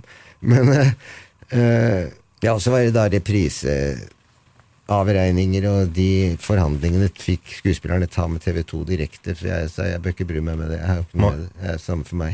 Jeg håper det blir så mye som mulig, det er det eneste jeg kan si. Så da de skulle starte Cæsar, så ble jeg invitert på middag på en av de råeste restaurantene i Oslo av TV2-sjefene. Eh, og så sa jeg ja, hva skyldes denne vanvittige åtterettersen her, liksom? Sånn. Vi har ikke gjort noe vi ikke pleier å gjøre, liksom. Nei, men altså Vi har bestemt oss Vi har kjøpt fra Sverige en, en serie. En sånn såpeserie som skal hete Cæsar. Jaha. Er det liksom bare å fortelle meg det? Er det verdt 4000 kroner for alt, inkludert, alt inkludert, liksom? Uh, Nei, men de sa det at det er bare vi gjør oppmerksomhet. Vi har bestemt én ting, og dette, det er det vi må snakke om. Vi har lyst til å kjøre Mot i brøstet klokka sju på hverdager i et helt år i reprise. Da hadde Carlo Co begynt, skjønner du. Ja, ja, ja. For å bane vei for Cæsar. Ja vel. Mm. jeg, men det er vel i grunnen deres avgjørelse, er ikke det? Ja, men tror du det kan ødelegge for, for Carl og Co og sånn? Nei. Det tror jeg ikke helt. at- Det, tenker jeg ikke på. Nei, nei. Det, det er jo ikke så jævlig mange som ser de reprisene lenger nå, og sånn tok jeg, vet du. Men eh, så viste det seg, da begynte de å gjøre det, da. Og så er du for dere må avtale av honorarer med reprise med skuespillerne og alt det der. Det er primetime og ikke sant, alt det der. Så ja, nei, nei, det var ikke noe problem i det hele tatt. Så jeg, de fikk jo en eh, vanvittig lønning på et år, da. Og det var bare hyggelig. Absolutt. Eh, men så eh, ringte de til meg, TV 2 plutselig, da dere Har du sett VG i dag? Nei, jeg har ikke sett VG. Nei, det står at Dagsrevyen tapte 400 000 seere i går. Fordi at det gikk samtidig med reprisen av Mot i brøstet. Ja, men så flott, altså. For det var også en av I etterkant, da vi skulle lage den der tusenårsfesten, det var faktisk en av grunnene til at jeg ville dra inn de gamle, for jeg huska den repriserunden to-tre år før. Ja, ja. Ikke sant? Eh, fordi at jeg skjønte at eh, da begynte det å gå opp for meg den den der sitter veldig langt inne hos folk. Altså, den, de, de var åpenbart veldig glad i den der. Var nok det. Og hyggelig og greier er det, og, og sånn. Det er ikke min skyld, men er, Delvis. Ja, men altså, det, det ble sånn. Altså, vi fant hverandre, og altså, det er eh, så, så det var egentlig det, det var veldig mye av bakgrunnen for at vi ville gjøre den der greia der. Eh, dra de inn igjen, om igjen, og da Arve orka jo så vidt, da. Eh, Det var ikke mye fart inn, men eh, For der var det jo tilsynelatende i Spania, og det var Ja. på flyplass, og det var litt Ja, sånn ja fløy hjem, og så hadde vi jo hun der dobbelttingeren til dronning Elisabeth. Hadde vi kjøpt. Det var, den, hun var med i den der eh, En film, hun, vet du. Oh, ja. ja. For hun er var der jo ekstremt lik. Ja, noe så vanvittig, skjønner du. Eh, Naked Gun-filmen. Oh, ja. Den var hun i. Der, spilte hun dronning Elisabeth. Så Hun levde av å spille dronning Elisabeth. Stilig. Ja, Var jævlig høy på pæra. Og skulle ha honorar som faen, og flybilletter, og det var ikke grenser. Hun skulle behandles som dronning, omtrent. Jo, Jeg, tror- hun var, jeg tror ikke hun var god, jeg, men hun var i jævla lik dronning. det var i grunnen hele poenget for meg, da. Ja. ja, for det som skjedde etter at uh, Mot i brøstet var ferdig, blir at eh, Carl eh, flytter ut, og Ja. det er han alt eh, skal handle om da i Ja. et nytt borettslag Ja, det ble det. på Frogner. Ja, det ble det. Eh, og så eh, dukka søstera hans opp, og, og sånn. Men eh, han Ulf er jo en egen type. Eh, Veldig. Han er jo svogeren min. Han er det, ja. Ja, I virkeligheten, ja. Han er akkurat sånn. Altså, han er en som er redd for virkeligheten. Ikke sant? Ja. For at eh, hverdag og livet generelt er liksom en kamp for å overleve. Og den kampen tør ikke han delta i, for han er redd for å tape. Derfor gjør han ingenting. Bare skriver rim og Ja, ja det gjør han faktisk. Uh, det er Så eh, han eh, skjønte jo det etter hvert. Det var noen som fortalte min svoger om det, så han ble veldig sur til å begynne med. Men eh, Så jeg sier jo ikke at det er deg. Det er sånn. Hvis du føler deg truffet, så kan ikke jeg skjønne det. Men, eh, nei, men, nei, men altså, jeg sa det jeg, synes- men jeg sa det at men det fins vel ikke mer, mer godhjerta mennesker på denne jord enn han Ulf. Nei, det er jo også noe med det. Ikke sant? For alt er fint og flott, vi skal ha det hyggelig. Ja, ja, alt skal være kos Mhm. og moro og sånt noe. Bortsett fra når Magda ringer og jeg må vaske badet og det er de greiene der. Men, eh, så det, det der var litt sånn spesielt ekteskap, da. Vi kunne jo ikke vise henne noen gang, vet du. For eh, fra beskrivelsene så ville vi jo skuffe folk uansett hvem vi sendte inn. Du kan tro det plaga meg at jeg aldri fikk se hun, åssen hun e- egentlig så ut. Nei, for forventningene var jo så store. Ja, det man, går ikke an å fylle dem. men Vi- man skjønner jo det nå, vi hadde, jo, det vi hadde jo tatt i for mye der. Så det er, eh, men jeg tror det var det beste at det gikk som det gikk. Eh, nei, det, Uansett hva vi hadde kommet inn med der, hadde det blitt en nedtur, altså. For det var jo ubeskrivelig fælt. Ja, det var jo det. Det var det, altså. Ja, det var det virkelig. Men uh... Men Carl Co. er jo en veldig, veldig mye mer annerledes serie sånn egentlig enn det Mot i brøstet ja, var. ja, det kan du si. For at det, eh, på en måte, når Mot i brøstet begynte, så var han som han amerikanske kompisen min sa, det er jo et slags u-landsprosjekt. For at altså, du skal gjøre noe som du ikke har gjort før. Uh, at det har vært lagd seks episoder av Fleksnes på et år, og sånn, det er den sin har sagt, men her er det liksom snakk om å lage mange, altså. Her er det industri og Samlebånd, Ja, ikke sant? Uh, og sånn, og, og eh, kunne kombinere Det er jo ingen som har gjort det, så vidt han skjønte, hjemme i Norge, den der industrielle måten å produsere TV på. Eh, så, det var det jeg hadde påtatt meg å gjøre, da. Men eh, jeg tror ikke jeg helt visste hva jeg gikk til, altså. Det gikk jo fint, da. Men eh, så du kan si at Carl Co. var vel ett skritt nærmere hva en amerikansk serie ville gjort. Ikke sant? For nå hadde de blitt vant til å se den første, og så hadde de importert en del utenlandske show som hadde gått veldig bra. X-Files og masse skitt. Det var veldig bra, da. Øh, Så da tenkte vi da kunne vi prøve å ta den et hakk til, men at det, det er fremdeles Altså At jeg tror publikum nå også har kommet seg litt forbi mot i brøstet, så nå kan vi ta den litt grann lenger. Litt, Ja. Ikke mer i voksen nødvendigvis, eller noe sånt, men kan, øh, kan tulle med litt andre ting, da. også, og uten at det skal bli veldig vanskelig, dette her. Så øh, Du fikk jo inn et veldig originalt eh, typegalleri her, f.eks. alkoholisert vaskekone, alkoholisert vaktmester, lat vaktmester, nysgjerrig nabo, litt sånn enkel søster. Det hadde vi, ja. Så hadde vi han borettslaget. Tor Stokke spilte han der i borettslagsspillen. Den episoden jeg husker som var vanvittig morsom, altså, det var når Postverket hadde Eller at pakker var bytta. Altså den der oppblåsbare Barbara-greia som egentlig han styreformann skulle ha. og, og Carl hadde kasta den ikke sant, i søppelbøtta, og så kommer vaktmesteren Ja, du hadde mistet, det er jo jævla morsomt. Mm. Uh, uh, Og der var jo også du med. ja, ja, det stemmer det. og På postkontoret, tror jeg. Ja, stemmer. Ja. Den, gjorde, altså den serien gjorde ikke annet enn å følge utviklingen på de seriene som gikk allikevel. Altså alle de andre òg. Det, var- det var vel ikke noen dramatiske forandringer i og for seg, da. Egentlig. Og Carl var jo som han var. Kanskje litt verre, egentlig. Litt mer stormannsgal. ja, tydeligere stormannsgæren, ja. Eh, For det var jo hele landet på den tida òg. Vi Ja, var jo plutselig var verdens rikeste og typisk norsk å være god. Og altså Politikerne de sa det jo Mhm. for å bli gjenvalgt, men det, det var jo ikke sant, da.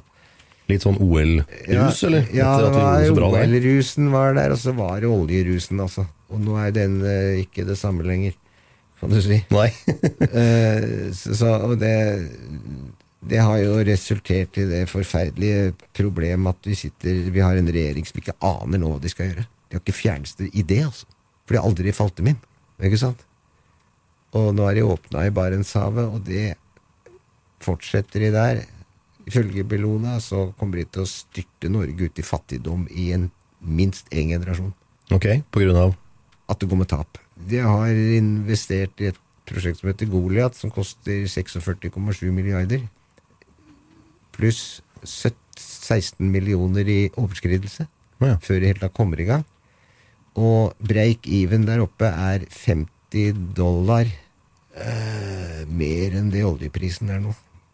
Så hvis du tar opp en million fat olje, så har du tapt 450 millioner kroner.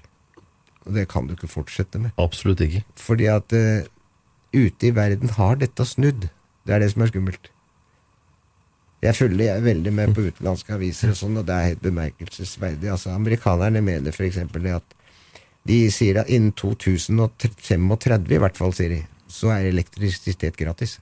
For det sol, sol kommer til å ta over absolutt alt.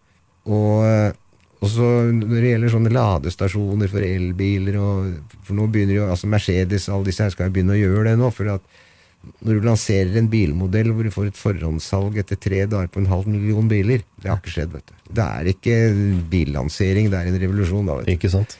Og sånn. Men de sier at ladestasjoner og sånn er snart helt unødvendig, for at bilen vil skjønne når den tar, trenger strøm, og han får det over lufta. Ja, Det er hvordan liksom? Ja, det vil jeg ikke snakke om. De kommer tilbake til det. Mm. Men de holder på med det i fullt alvor. Spennende. Ja, det er Google, Apple Mm. Apple har jo Plutselig er det kommet fram at de, de, det har vært rykter om at de driver med noen bilgreier og alt sånt. Eh, for, for, forrige uka, eller i begynnelsen av denne uka, da kom det frem at jo da, de har jo ansatt 1000 mennesker bare gjøre det prosjektet. Og de har kjøpt deler av Tesla- Tesla-folk.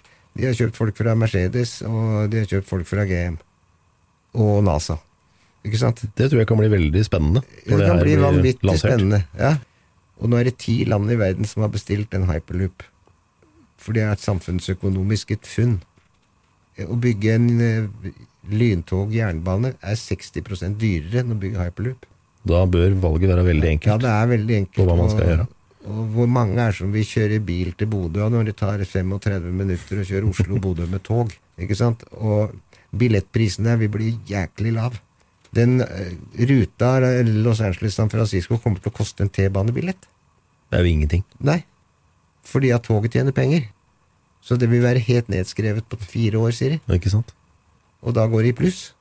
Og du får ikke en jernbane, Alle jernbaner i verden ellers er subsidiert. Ikke denne. Ikke sant? Det er ganske, har- det er ganske spenstig, altså. Ja, det er spenstig som bare rakkeren, vet du. Uh, litt tilbake igjen til uh, sånn eh, Når da Carl og Co. var ferdig, det ble noen og 60 episoder Ja, det husker jeg ikke, men det gjorde visst det. Jeg vet mm. ikke akkurat antallet. Jeg, Nei. Jeg, har ikke telt.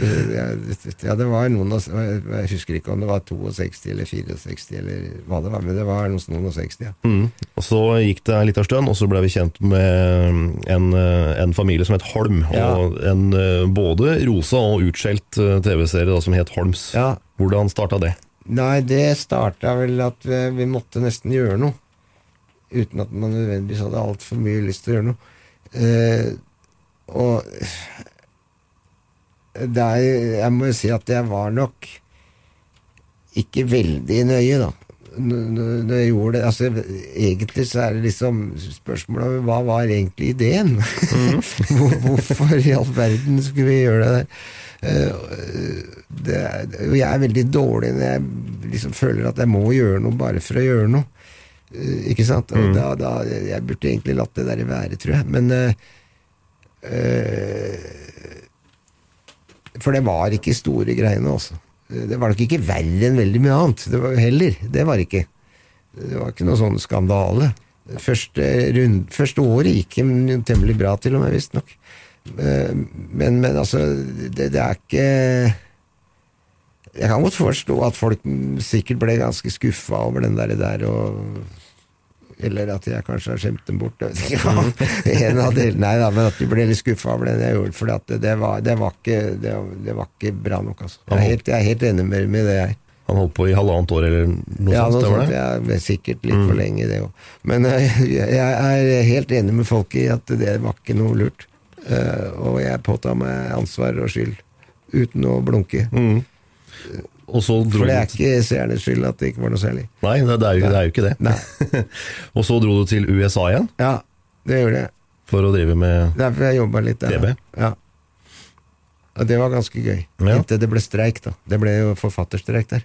Ja, for du jobba samarbeidet med HBO, eller Ja, jeg hadde med de å gjøre, og så NBC Universal. Begge de to. Eh, og, og så ble det streik.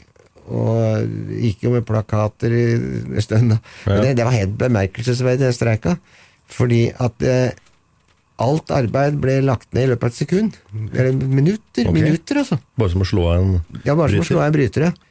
Og de ligger jo ikke langt De har ikke produsert noe særlig i forkant der borte, vet du. Ikke sant? De starter jo å produsere i sånn eh, å mø, å Kalle inn folk og sånn i mai måned, ikke sant? Og så skal de på i september. Hastverk. Ja, nei, det er ikke det heller. Det er, de er vant til det, bare. Oh, ja. For de har mange. Altså, Det Ja. er veldig mange forfattere, vet du. Litt mer effektive. enn- Ja, det er, går unna, altså. Det griner. Det er ikke noe fortere enn det vi gjorde, men altså, det er akkurat det samme, da, egentlig. Ja, det det var streik, og da bare gikk de. Og de, ikke, og de, de showene som var eh, noen episoder som kan ha vært spilt inn og ikke redigert, de ble ikke redigert heller. Nei, For det er forfattere som gjør. akkurat. Ja, Det er forfattere som helt tatt styrer TV i USA. 100 Men det er kanskje, kanskje sånn det bør være òg? Ja, det bør de absolutt har være sånn. I film er det regissører, men ikke i TV. Uh, og da ble det bare liggende alt sammen. Og uh, vips, så var det repriser, altså.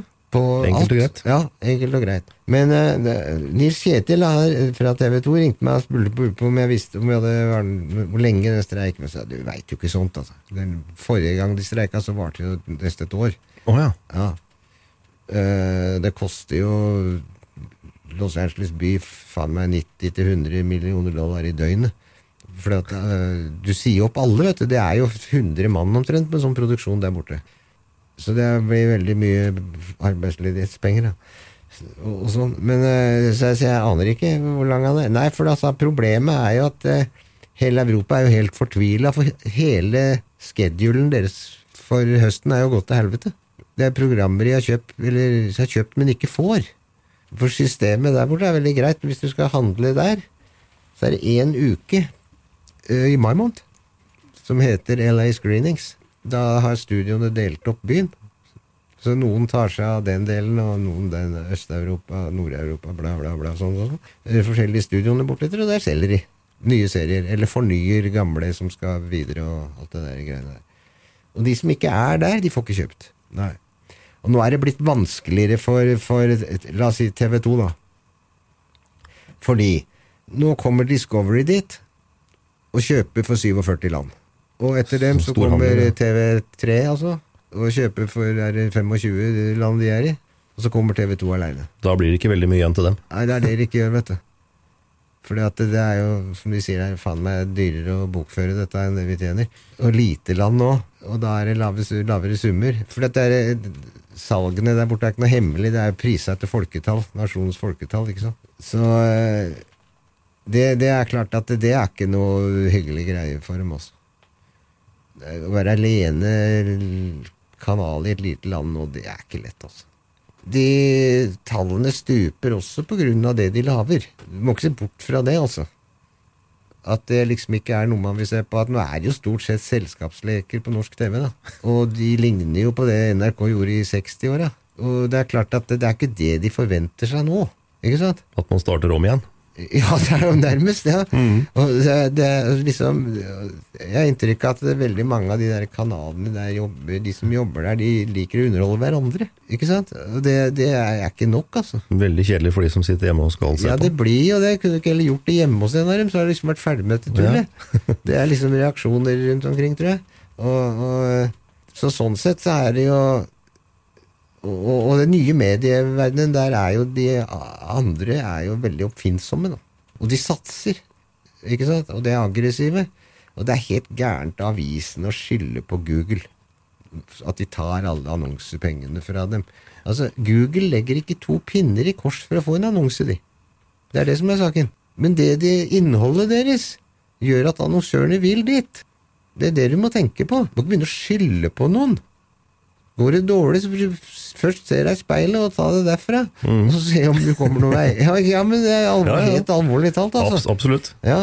Og jo Og TV 2 altså det har eh, vanlig TV-sending, og så har de Sumo, som er en streamingkanal.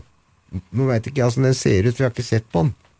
Men uh, Uh, da har de verktøy til å skulle kunne klare det der. Kan de ta i bruk både YouTube og Facebook på en fornuftig måte til å kommunisere, og vise deler av innholdet sitt. De bør ikke vise dem alt, men alt og sånt noe. Eh, nå veit jeg at de gamle greiene jeg har der, er jo vanvittig mye YouTube-klipp ute.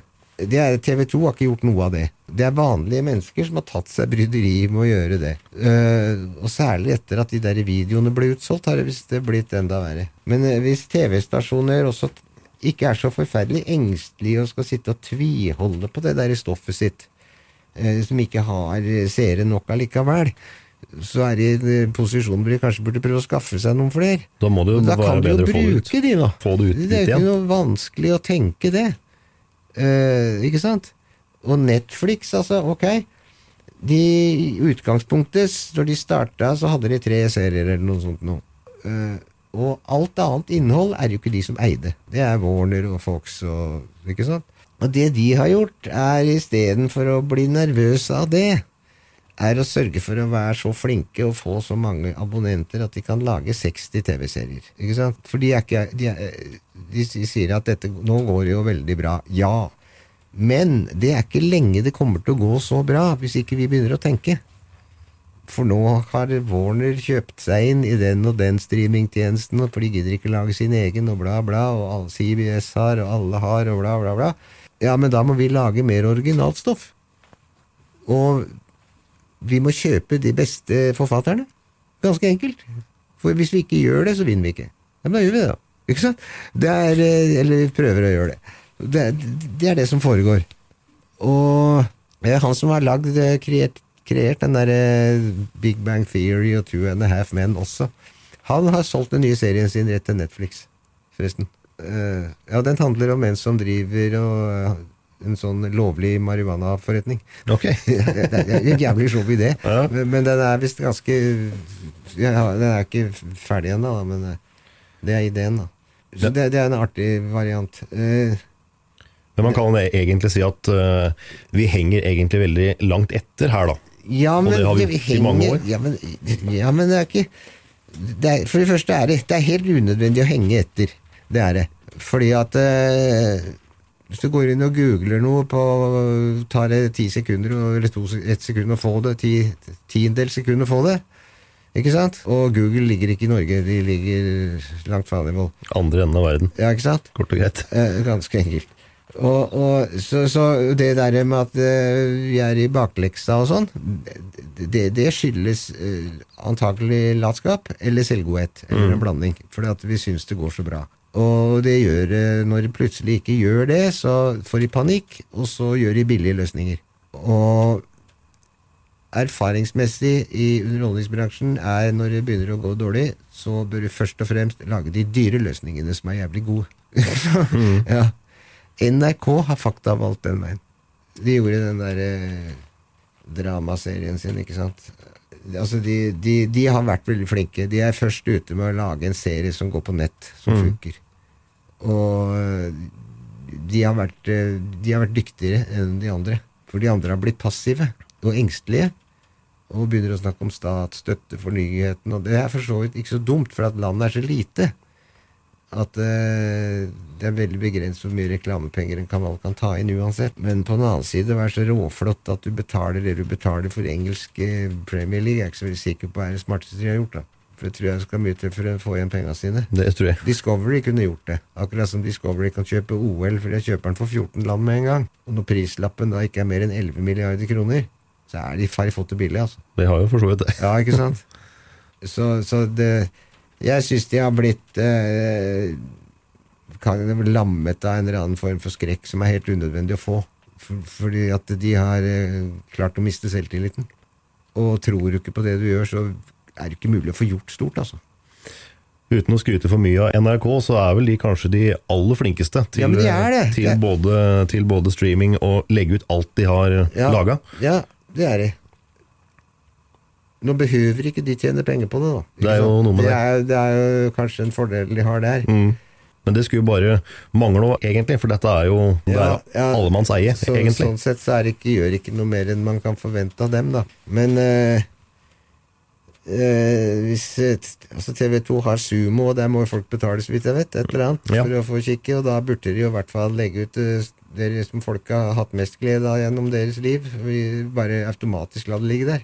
Eh, for da kommer det sikkert en tre-fire stykker. Det skjer jo ikke. De lar det ligge ei lita stund, og så forsvinner kanskje et år igjen, og så kommer det inn igjen Ja. en liten periode. og Inn og ut er liksom ikke noe forutsigbart. da. Nei, det er ikke noe særlig smart, syns jeg. Det er jo ikke det. Nei, nei, nei. Altså CBS de har, legger ut hele primetime som går nå, og så lager de har de lagd Star Trek om igjen, kun for den streamingen, og plass for et par andre serier, og så ligger hele arkivet deres der. Det koster jeg tror det er sju dollar i måneden, og det er ikke mye.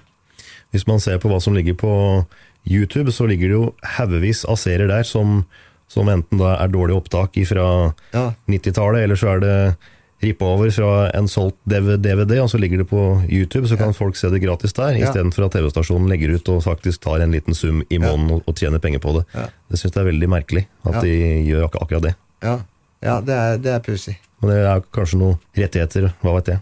Ja, altså akkurat Nei, Jo, for TV altså, y- y- Det som er lagt ut på YouTube, er jo egentlig lagt ut ulovlig. Ja, det er jo I ikke seg, lov. ikke sant? Eh, men det er så gammelt mye av det at det er ikke så jækla nøye. Men du kan ikke gjøre noe med de bildene som ligger på YouTube. Du kan se dem selv. På noen måte utnytte det. Så det, det, det blåser i grunnen litt i. Pluss at det, interessen for noe på YouTube, det, det er stimulerende for eieren uansett, liksom. Eh, særlig hvis det er noen som går som, fremdeles går, da, så er det jo ikke så dumt. Så det er gratis eh, annonsering for dem, egentlig. Men eh, hvis, du er, hvis du er sånn som velger å ta, kjøpe Sumo for at du skal se det som går nå, da burde du også automatisk egentlig få hele du skal få hele lageret deres. Altså. Mm. Og det som de eier sjøl, i hvert fall. Bør egentlig ja, det. Det syns jeg. Det, er, det er, koster dem det er ingen verdens ting. Det kan det. hende de har noe som folk kunne hatt lyst til å gå inn på Sumo for å se. ikke sant? Men det tenker de vel ikke over, da. Men eh, nei, hva de gjør og ikke gjør, det får nå være opp til dem. Men eh, jeg tror det er veldig feil å så bli engstelig i sånne tider. Mm. Ikke sant? Egentlig burde det være en fordel. Det er jo noe som heter, det er for så vidt en gammel klisjé om at internett er kommet for å bli, og det har jo det. Ja, Det det er- typisk kommet for å bli, ja. Og det, det, det er der framtiden kommer til å være for TV. Ja, altså Det, det er Framtiden er rett og slett at du kan se ting når og hvor du vil. Det er, det er så enkelt egentlig som det. Jeg tror det er to bransjer som uh, ikke har noe særlig å glede seg over i, på lang sikt, lengre sikt enn dette er. Det ene er kabelselskaper, og det andre er telefonselskaper. Det tror jeg kan uh, være i ferd med å ryke. Google tester jo Har et par testbyer i USA nå hvor det er eh, hvor det er eh, internett wifi rett inn til hver eneste menneske. Oh, ja. Uten avgift. Yes. Du behøver ikke noe avgift egentlig på den biten der. Og hastigheten er eh, fire ganger 4K. Fordi at de begynte med noe som heter Google Fiber, som hadde eh, 1000 megabits fart på det. Det er jævlig fort.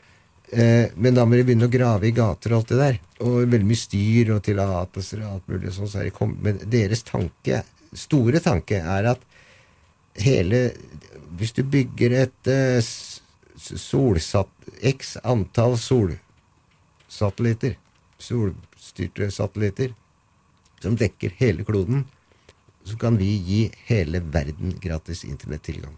For det, det er ikke det vi skal tjene penger på. Det syns vi kan være en menneskerett å få anledning til å få.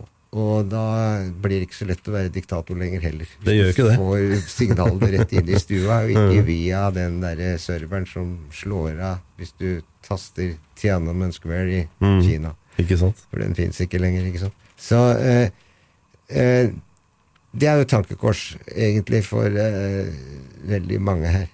Definitivt. Ja. Men eh, de har ikke turt å gjøre det ennå, for det kommer til å ha internasjonale komplikasjoner. Eh, Du kan dra på seg mye problemer og greier, men de har begynt å lure på om de skal slutte å drive og grave gater hjemme for å få lagt ned den der rå kjempefarten. da. Og så sier de at for forbrukerne blir det jo vanvittig mye billigere, men de feier den gjennom vinduet. Så det er der. Hvorfor ikke? Google er vel også inne på med YouTube, da, som de jo eier.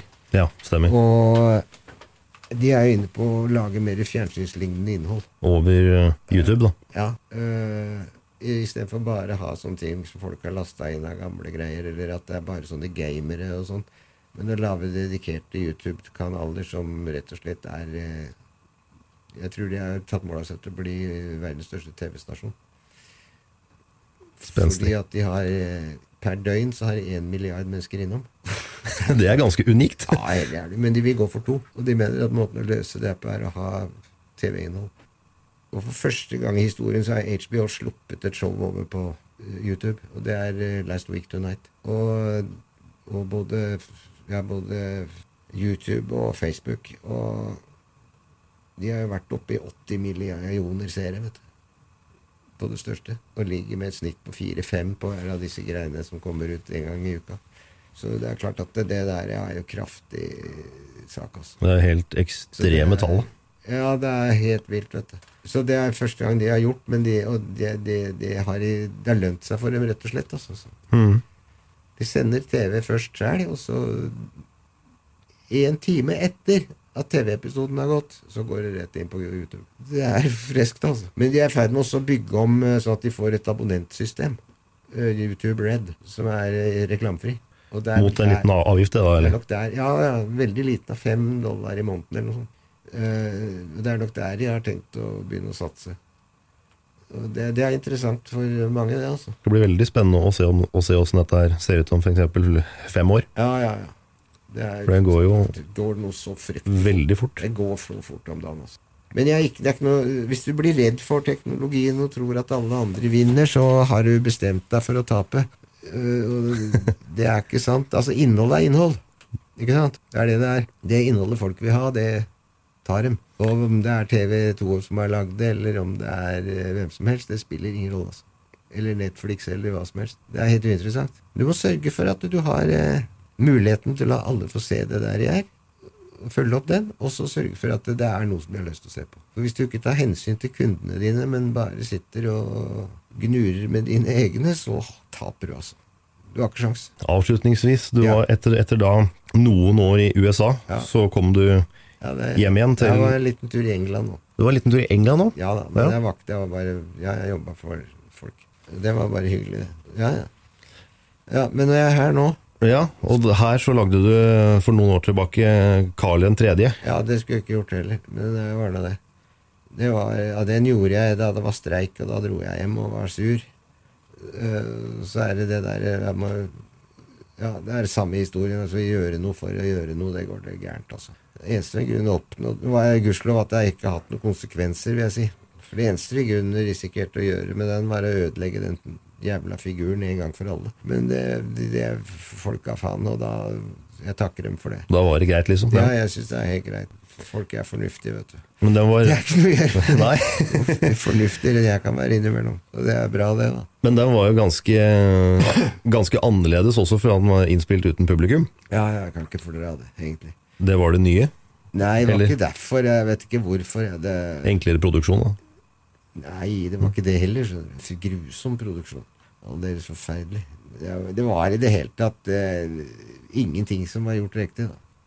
Men jeg kan ikke skylde på noen heller, så det er nå det. For det er noe Det er ikke mulig. Så det er bare å si beklager, mine damer og herrer. Men eh, det var den. Sånn er det. Men den har vi vel alle glemt. Da tror jeg egentlig at jeg sier eh, Ja, ja. tusen takk for at du hadde mulighet til å stille opp. Ja, jøss, jeg syns det var hyggelig. Det er ord her. Veldig hyggelig. Jo, takk. Kan jo ikke ønske seg mer. Alt på stell. Ja, ja, ja. Da får du ha en fortsatt fin høst.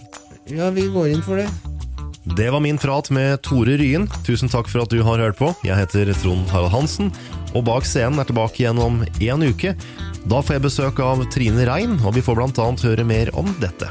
Jeg husker jo kvelden før uh, Finders Keepers-albumet kom ut, så hadde jo ikke jeg noe tro på at dette her skulle bli noe som helst i det hele tatt. Og folk rundt meg fortalte jo at hvis, hvis debutalbumet ditt flopper, da kan du bare glemme det. Da, da må du finne deg en annen jobb, liksom. For det, da går det ikke. Da ikke. da kan du ikke komme på banen som artist igjen senere. Du har hørt en podkast fra Radio Metro. Finn mer innhold på radiometro.no.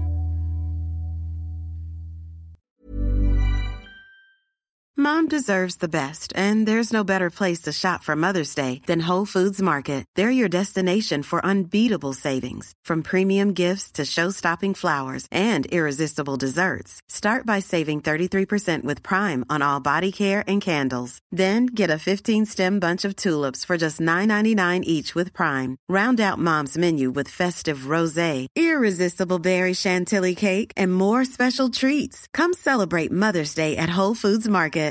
Hey, it's Paige DeSorbo from Giggly Squad. High quality fashion without the price tag. Say hello to Quince.